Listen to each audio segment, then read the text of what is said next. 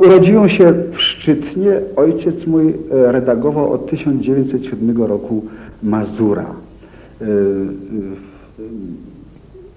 kiedy mm, sprawa plebiscytu wypłynęła, miałem 13 lat. Dlatego przypominam sobie dosyć dobrze przebieg plebiscytu, tym bardziej, że na ten temat ciągle powracaliśmy w rozmowach z rodzicami. Pamiętam doskonale, kiedy to oczekiwaliśmy ojca, e, który był e, na wojnie. I kiedy przyjechał pewnego dnia, dowiedziałem się, że ma zamiar znowu wydawać Mazura. Wiedziałem o tym, że na podwórzu naszym, gdzie mieszkałem, istniała mała drukareńka, która przez okres wojny była nieczynna. No i ojciec e, po powrocie z wojska często gdzieś wyjeżdżał i wracał z papierem, z farbą e, potrzebną do drukowania gazety i wreszcie pewnego dnia zwrócił się do matki i do mnie, że razem w trójkę rozpoczniemy drukować Mazura.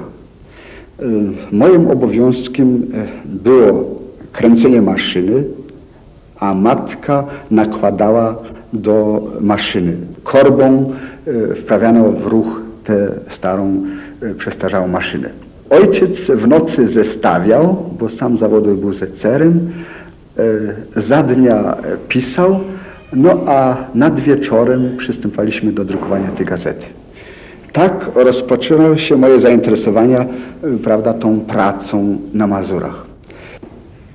No, sam okres, sam plebiscyt Y, to ja sam widziałem taki moment, na przykład przed y, salą, y, gdzie, mieścił się, gdzie mieściła się redakcja, gdzie, gdzie odbywały się zebrania polskie, był także lokal wyborczy. Przed lokalem stały dwie osoby.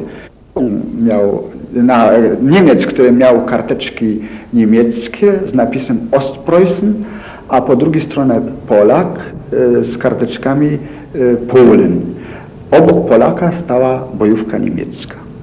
I kto z Polaków próbował wziąć e, karteczkę Polen, narażał się na szykany, na bicie, na nieprzyjemności.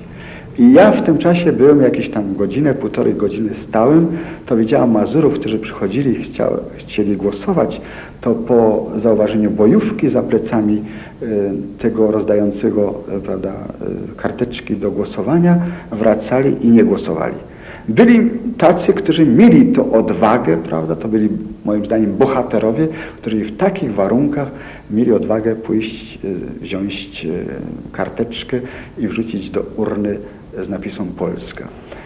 Oczywiście po wyjściu z lokalu byli prześladowani, bici, prawda, no i w takich warunkach odbywa się plebiscyt.